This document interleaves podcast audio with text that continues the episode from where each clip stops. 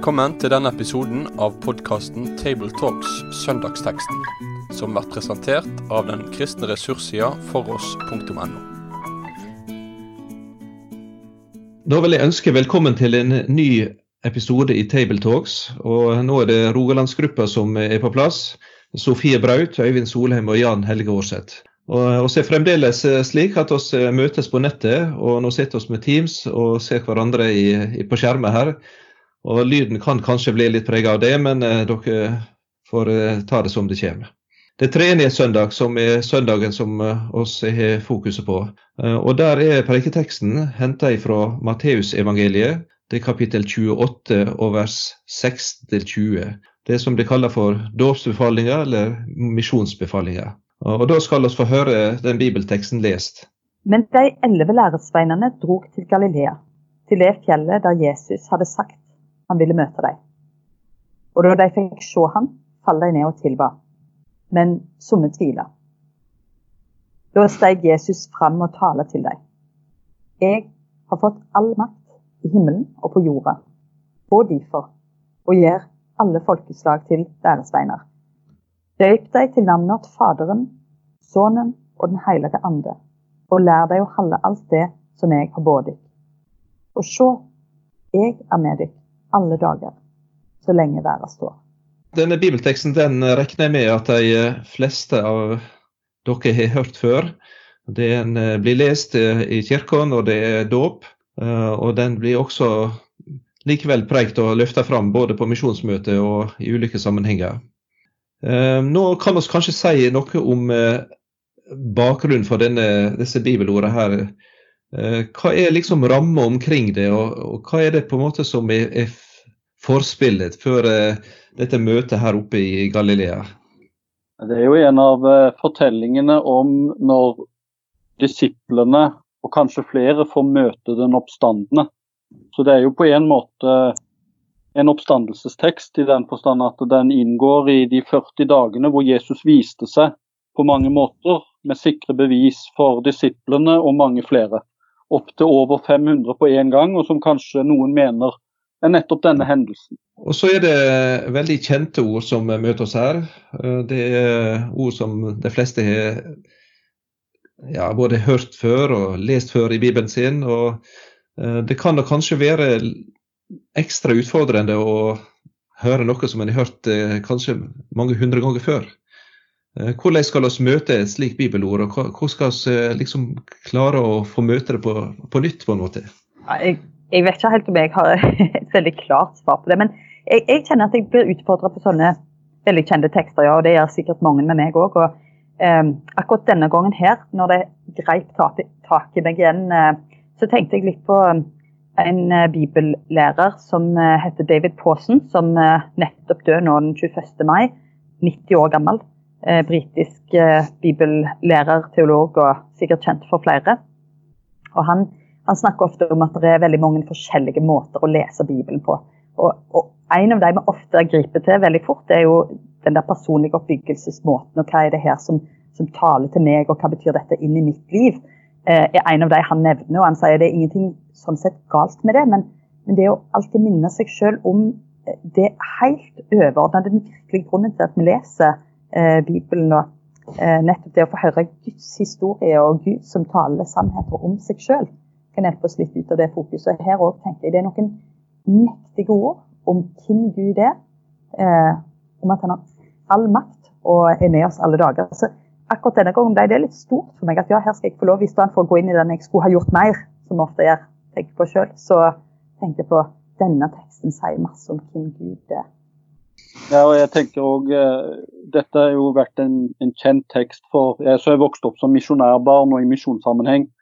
Men jeg må jo innrømme at uh, opp igjennom så var det f.eks. lenge i min forestillingsverden slik at dette var Jesus siste ord før han for opp til himmelen. Altså at dette var på selve himmelfarten på Oljeberget. Uh, det var lenge i min bevissthet. Og det var lenge etter at jeg hadde lest denne teksten mange ganger. Eh, så bare det å legge merke til at dette skjer i Galilea og ikke i Jerusalem, er jo en sånn liten ting som en kan gå glipp av hvis en på en måte leser på autopilot. Det er bare en sånn liten detalj, egentlig, men, men, det er sånn det fungerer med å lese kjente tekster. Ja, for nå er det som du sier, å se ikke Jerusalem, å se i Galilea, som ligger i Nord-Israel, ved Galilea-fjellet der. Uh, og eh, Jesus hadde sagt at uh, disiplene skulle komme dit og møte han. Han sa det både ved påskemåltidet og også da ved grava, da de får møte og høre om den oppstande og møte den oppstande, så er dette at dere skal møte meg i Galilea. Det er tydelig at Jesus ønsker å bringe sine til en plass der de får møte han på en særskilt måte. Og det er de elleve som er nevnt her som i denne gruppa. Men hvis en leser, så vil en vel se at det er flere som mener at de, de var ikke alene. Det var flere med dem der. Ja, det er flere som har nevnt uh, det at uh, dette kanskje er den hendelsen hvor, som Paulus viser til, hvor Jesus viste seg for over 500 på én gang. Uh, og Det var òg en sånn ny ting for meg når jeg leste det eller hørte det første gangen. Men Stefan Gustafsson, f.eks., han svenske apologeten, nevner jo også det. Men han sier jo kanskje, vi kan jo ikke vite. Men, men uh, det utvider jo Og det kan jo rime med at dette skjer i Galilea, hvor kanskje flest av Jesu etterfølgere hadde hjemstedet sitt, kanskje. Det, så det, det, er ikke så urimelig at, at mange møtte opp der. Ja, og så står han der midt imellom dem. Eh, og det er den oppstandende. Eh, det er Jesus med sine korsmerker som eh, står der framfor meg, og levende og, og, følbar. Så de både kunne ta og kjenne på han, slik vi har hørt om andre plasser. Og så står det også en, litt, en kort kommentar om reaksjonen på dette møtet med den oppstandende og levende Jesus. da. Det er to ting som er nevnt, så de synes for så vidt til å være litt motpoler i hverandre. Eh, den ene det er tilbedelsen, eh, og som da er knytta til tru. Og så det andre det er tvilen, som også er til, til stede. Eh, er det noe å dele om dette? Hvordan kan en legge dette fram? Man kan jo bli litt overrasket egentlig når en, en leser at det liksom disiplene som er der, også at, noen har betvilt Men, men, det er jo en veldig sånn uh, menneskelig kommentar òg, egentlig det er ikke en heltehistorie utelukkende. Det er jo noe av det som er et preg på Bibelen som òg gjør det veldig troverdig, da, tenker jeg. Ja, og så tror jeg, jeg tror at uh, tilbedelse og tro og tvil og fortvilelse de kan på mange måter i et sammensatt menneske og menneskeliv også gå delvis hånd i hånd. Og uh, selv om Stefan Gustafsson også antyder at, uh, at, det kanskje var i kretsen utenom de elleve at det var noen som tvilte, så tror jeg kanskje snarere at siden fokuset her er på de elleve, så tror jeg kanskje at det nettopp var blant de dette, dette er. Men det kan en jo selvsagt ikke konstatere. Men det er iallfall ikke tvil om at det gjennom eh, hele alle evangeliene og apostelgjerningene og alt, så er det ikke perfekte troshelter som, eh, som Jesus bruker og sender det er jo kanskje noe av altså, I selve Matteusevangeliet så er jo dette første gangen Jesus eh, møter disiplene etter at de ble spredt i Getsemane og svikta Jesus kapitalt. Og jeg tenker det er litt sånn, eh, I litteraturen så snakker en jo veldig ofte om det der med troverdige personskildringer og slikt noe. Da, da trenger en et sammensett og helhetlig bilde av folk. altså. Og her føler jeg jo nettopp til det eh, Matteus sin, sin, beretning legger, rett og slett legger opp til. For det er mange forskjellige reaksjoner, og de, de er til dels sammensette. Og, eh, ja, og, og, og, de er mennesker. Og så I møte med en slik gruppe, da, som vi har nevnt nå, der det er både tilbedelse og tro og tvil, så det, står Jesus fram da og, og gir dem både en gave og en oppgave. Det er møte med den oppstandende, og samtidig at dette gode, glade budskap det skal videre til andre som ikke har møtt. Eh, det var disse han ville bruke. Og det gir vel eh, et veldig en oppmuntring, et håp til oss. Eh, en trenger vel ikke gå så kjempelangt før en vet at i sitt eget liv og hjerte så finnes det mange nederlag og mye tvil. Og, og også dette med selvsagt frimodighet og glede. Det er begge deler sammensatt, som Øyvind du nevner på. Men eh, ellers så tenkte jeg på når du sa det med tilbedelse, at eh, det er klart i, i, i jødisk sammenheng så er det jo uh, ganske uh, sterk ting når uh, jødiske menn, og eventuelt hvis det var flere enn de elleve, altså kvinner òg, bøyer seg på kne og faller ned i tilbedelse for Jesus. For det er jo en sterk bekjennelse av Jesus nettopp som Guds sønn, som guddommelig. For i jødisk sammenheng så skal du jo definitivt ikke falle ned og tilbe et menneske, en skapning. Ja, En kan nesten si at det, er litt av det som eh, Paulus skriver i Filippebrevet, som nesten går i oppfyllelse her. Eh, da, da har du i kapittel to i Filippene dette om eh, han som ga avkall på, på det. Han var i Guds skapnad, og så ga han avkall på det, tok en tjeners skapnad. Og så kommer det utover i dette at derfor har Gud storlig opphøgd han og gjeve han det navnet som er over alle navn, så hvert kne skal bøye seg i Jesu navn Deira som er i himmelen og på jorda og under jorda, og hver tunge skal sanne at Jesus Kristus er Herre, til Gud Faders ære. Det er den korsfesta og fornedra som blir omtalt slik i oppstandelsen. Eh, så det er det som Paulus også beskriver der i Filippabrevet. Og da gjenger på en måte scenen og skifter fra flokken som er samla på Galilea, eh, med tilbedelse og tvil, og så blir på en måte linsa retta mot Kristus sjøl. Eh, og da står han der i Galilea og og altså sier han har fått makten, all makt i himmel og på jord. Det er vel slik han står fram for oss i Bibelen? Ja, jeg tenkte også på her òg er den egentlig en litt under, eller, underlig kontrast, hvis en setter seg litt inn i disiplene og de som er rundt sin opplevelse her. For dette er jo ikke veldig mange dager eller uker etter at de har vært vitne til at den samme som nå sier jeg har makt i all uh, all makt i himmel og på jord. At det er den samme som uh, blir bundet fast, mishandla, og den mest avmektige som henger mellom himmel og jord på et kors og lagt i grav, død. Det er den samme som nå står foran dem, som nå sier nå har all makt gjeninnsatt. Men, men i minnet deres, erfaringene deres, har de jo nettopp sett den avmektige Jesus. Så, så jeg syns kanskje ikke det er så underlig at det også, selv om de har møtt den oppstandende, også kjenner litt på tvil. Kan vi nå regne med at Eller hva skjer nå, eh, når han sier at jeg har makt? ja, det er jo et kjempegodt poeng. Og, og jeg tenker litt på den der utformingen. Ser du, jeg, jeg har den 2011-utgave av Bibelen, og der er det jo liksom overskrifter på dette avsnittet er jo misjonsbåter. Det er liksom fokus på, på den oppgaven, da. Men, men i denne kortfattede og veldig innholdsrike talen på en måte til Jesus, så er det jo, det er jo han som omfatter alt. Det er han det begynner med, og det er han det slutter med. Og, og det er stort òg, dette med all makt og alle dager. Eh, så, så, det er jo det er noe med at egentlig så er det litt feil å ha bare budet som overskrift her. For det er, jo, det er jo først og fremst Jesus som omfatter det og gjør det mulig i det hele tatt at dette er en oppgave for, for mennesker. da.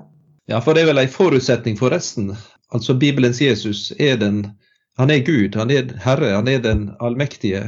Eh, og det er nesten en forutsetning for resten. For hvis en tar bort det, at Jesus bare blir snekkersønn fra Galilea og ikke mer, så er resten av dette med misjonsbudet egentlig helt meningsløst.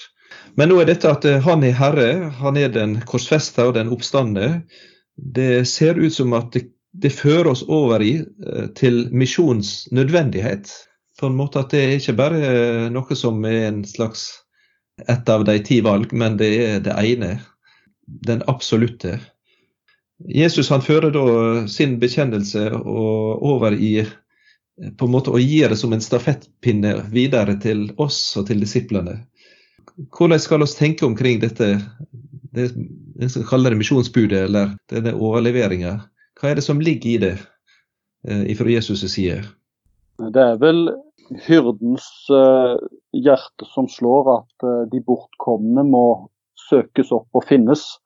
Men hovedbudet her er jo å gjøre til disipler, eller å disiple, discipling, som er på en måte hovedfokuset. Jesus vil at flere skal bli hans disipler og i hans følge, slik som disse elleve og flere rundt har fulgt han. Så vil han at de like til jordens ender, så skal de få slå følge i dette store følget.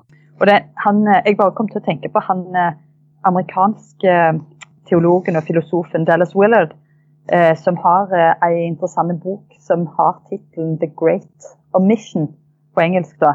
Eh, og det er veldig nær, det er bare en bokstav ifra det som jo er navnet på denne misjonsbefalingen på engelsk, The Great Commission. Og, og, han, og mission betyr jo utelatelse, så han mener at The Great Commission kan bli den, den store utelatelsen. Altså er en glemme ut, kanskje. Eh, kanskje både vi glemmer det litt ut, for vi blir litt forlegne i vår egen kultur. At vi faktisk fremdeles skal gå ut.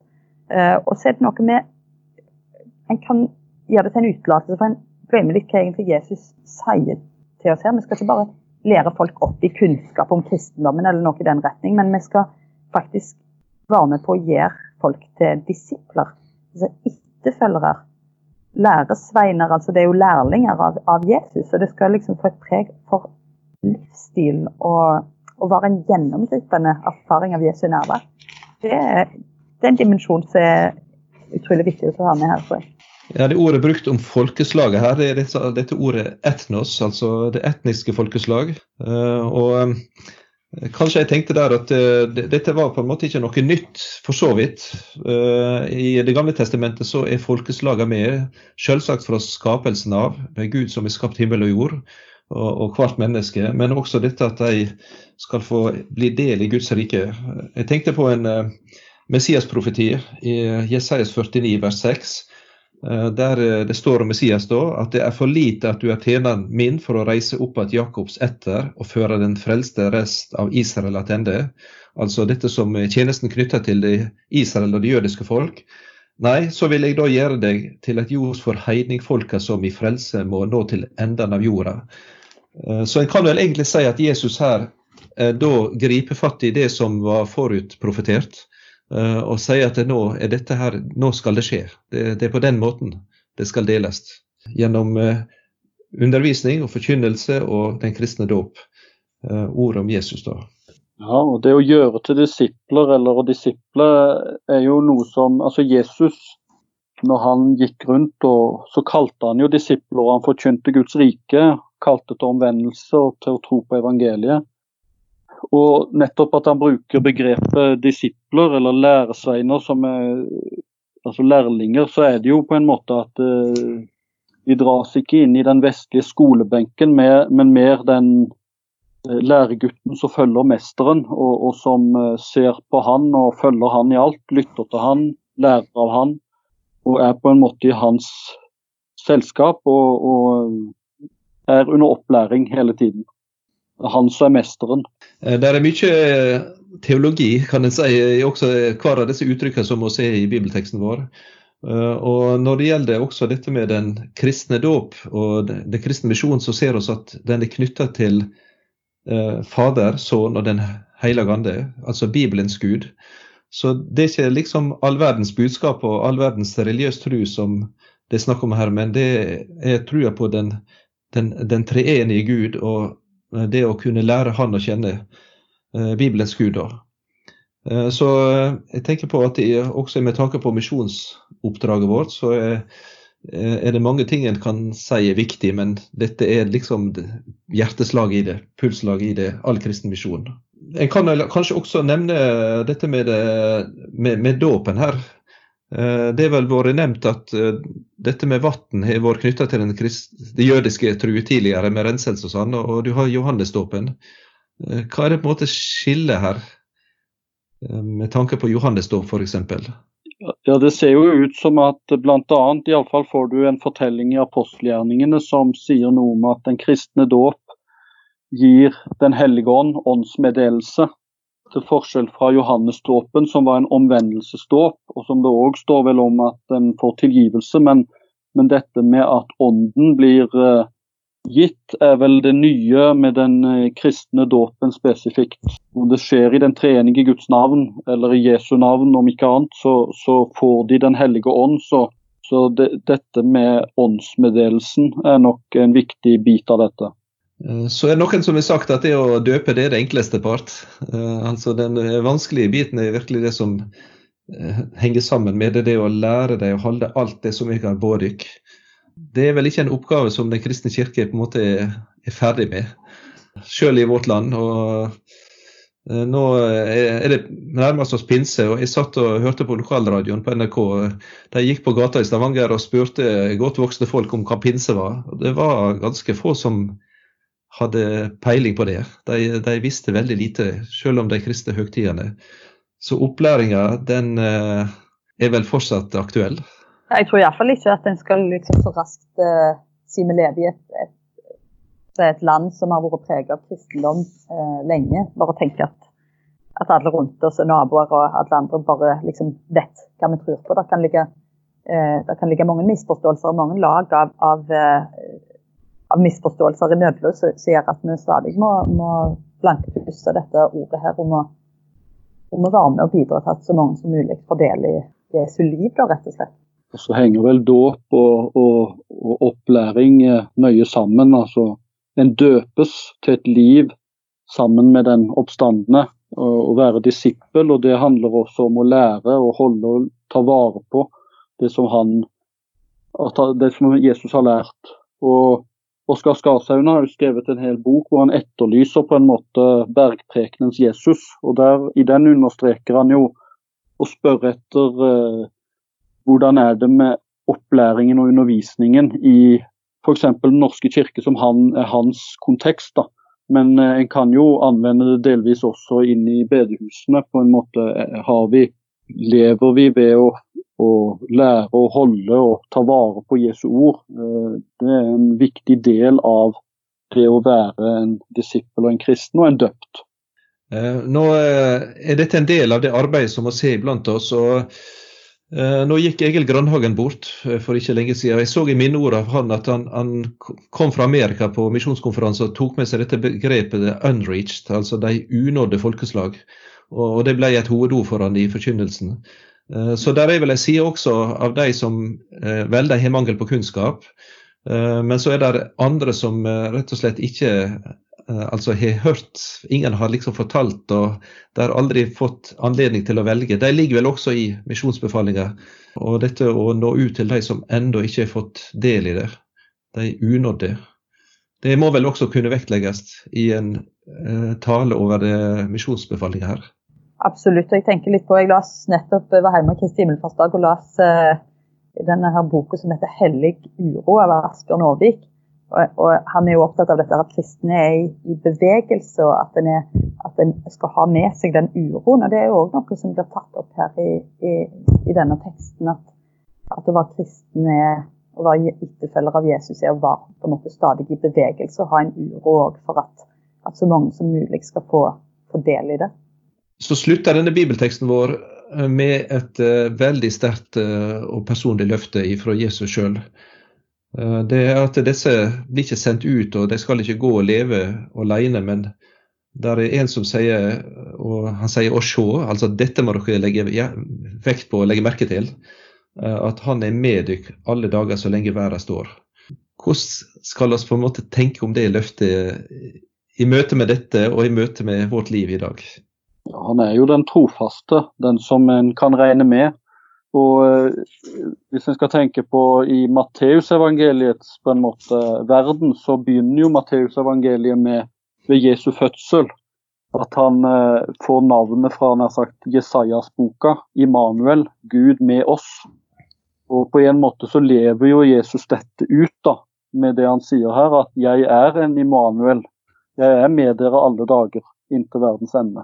Så på en måte så omslutter dette Matteusevangeliet, det er at Jesus er en som er med oss. Så, Det, det syns jeg var en fin sånn innramming av dette evangeliet. Nå var En av de bibeltekstene som er med i, eh, på denne dagen i kirkeåret, det var de poetiske tekstene. Det er Salme 100. og Det er en slik glad, gode salme. En lovsangsalme, står det her. Eh, og Den starter med at vi skal få rope med fryd for Herren, all jorda. En jeg kan av og til tenke kanskje at misjonsbefalinga er en stor byrde uh, og, som blir lagt på oss, men Bibelen tenker vel heller at det er snakk om gledesrop. altså takke og, jubel og fryd over det som en har fått del i. Tjen Herren med glede, kom fram for Hans åsyn med jubel. Og Grunnen til det står nå i siste verset av Salme 100. da. For Herren er god. Hans miskunnhet varer til evig tid, og hans truskap fra ett til ett. Eh, og Det er vel dette som speiler Jesu løfte, som vil være med og følge oss og lede oss helt til enden av denne tidsalder og enden av jorda. Eh, og så er noe veldig godt å gå med, og en god Jesus eh, som har lov til å være med oss. Ja, og Han er trofast selv om vi skulle svikte, som vi snakket om sviket til disiplene i påsken ikke lenge før, kontrasteres av av hans trofasthet. Han svarer ikke med samme mynt. Dere svikter meg, så dere kan ikke være helt trygge for hvordan jeg vil behandle dere. Nei, han er ganske tydelig på at, at han, uten å kreve deres trofasthet eller lydighet, så, så sier han jeg skal være med dere alle dager inntil verdens ende. Ja, ellers så har jeg en, til slutt en, en, bønn foran meg her som er veldig fin, og som oppsummerer på en måte det siste Jesus sier om at han vil være med oss alle dager til jordens ende, og den vil jeg be til slutt. Kalles disippelbønnen. Herre Jesus Kristus, du står her foran meg, du er også bak meg. Du er på min høyre side, du er på min venstre side. Du er over meg, du er under meg. Du omgir meg på alle sider. Du bor i mitt hjerte. Du gjennomtrenger meg helt, og du elsker meg, Herre Jesus. Takk og lov for det. Amen. Med det sier vi takk for følget for denne gang. Finn flere ressurser, og vær gjerne med å støtte oss på foross.no.